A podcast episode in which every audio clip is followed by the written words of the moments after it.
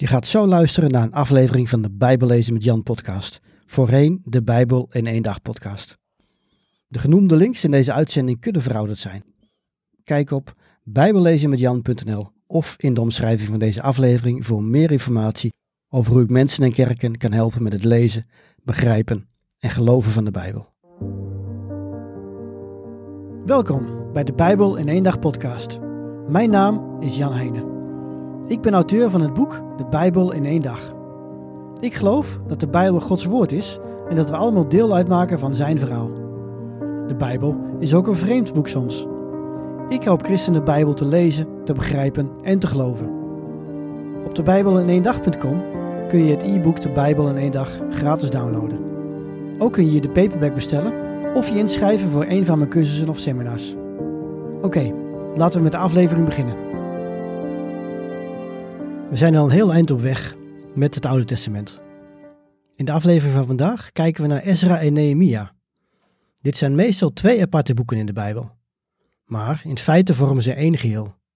Een soort deel 1 en deel 2 van hetzelfde verhaal. Het boek Ezra begint ongeveer waar twee koningen is geëindigd, maar dan dus 50 jaar later.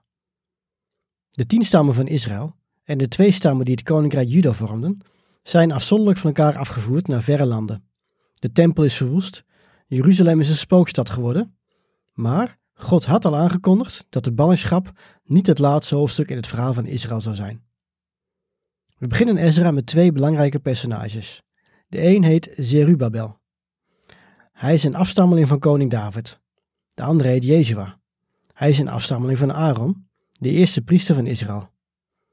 Zowel Davids koninkrijk als Aarons priesterschap bestaan niet meer. Maar God beweegt de Persische koningen toe een deel van de mensen terug te laten keren uit de ballingschap om een tempel voor hem te bouwen, voor God dus, in Jeruzalem. Zo'n 42.000 familieleden van de ballingen en ruim 7.000 slaven gaan naar het beloofde land, naar Israël. Of tenminste wat we vandaag de dag Israël noemen.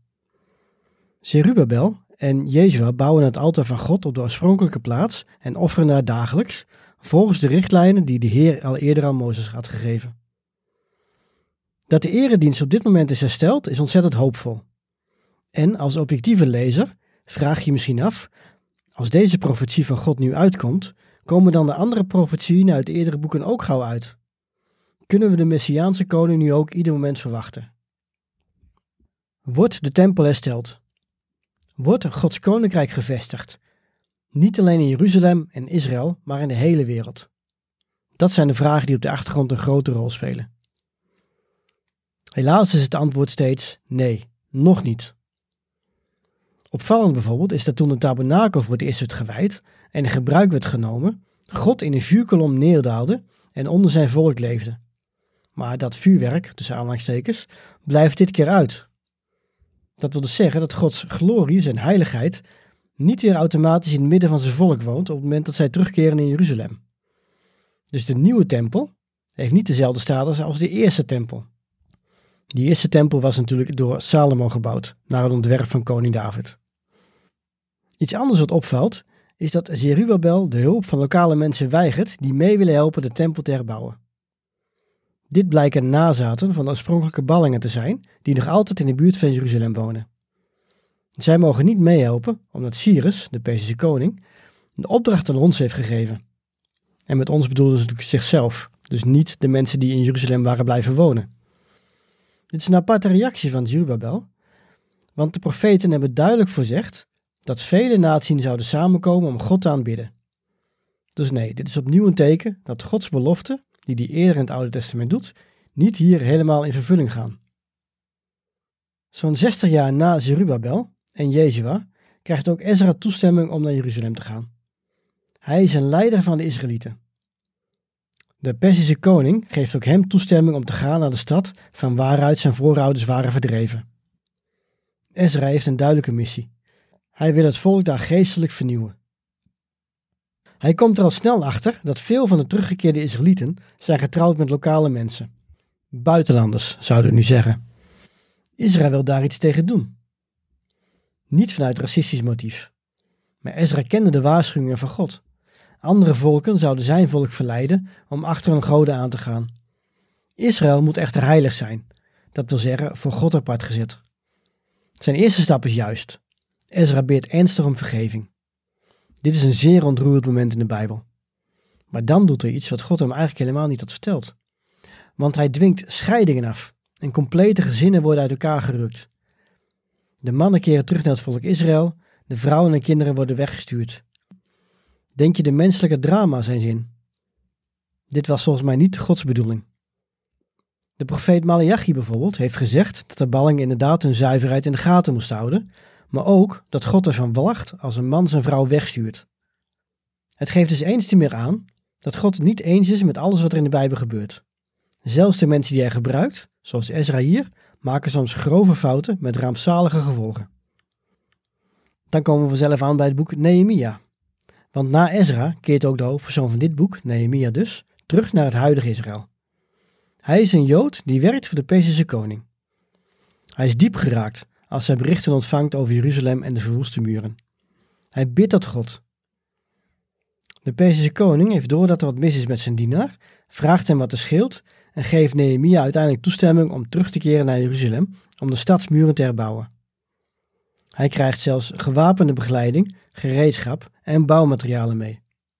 Als Nehemia aankomt in Jeruzalem, begint hij met de herbouw van de stadsmuren van Jeruzalem. Hij wordt tegengewerkt door mensen die in de omgeving wonen en stelt zelfs één wachter aan voor elke persoon die bouwwerkzaamheden uitvoert. Ook dit deel van het verhaal begint dus heel veelbelovend. Is God dan nu wel bezig zijn eeuwige koninkrijk te vestigen en begint dat dus hier in Jeruzalem? Het antwoord is weer nee. In ieder geval niet volledig. Want zoals de profeet Zacharias heeft gezegd, het nieuwe Jeruzalem zal een stad zijn zonder muren. En Gods aanwezigheid zal de stad omringen en mensen van alle volken zullen komen om God te aanbidden. Daar is in de tijd van Nehemia nog absoluut geen sprake van. Een van de principes die je ziet is dat Gods profetieën vaak op verschillende manieren en momenten worden vervuld.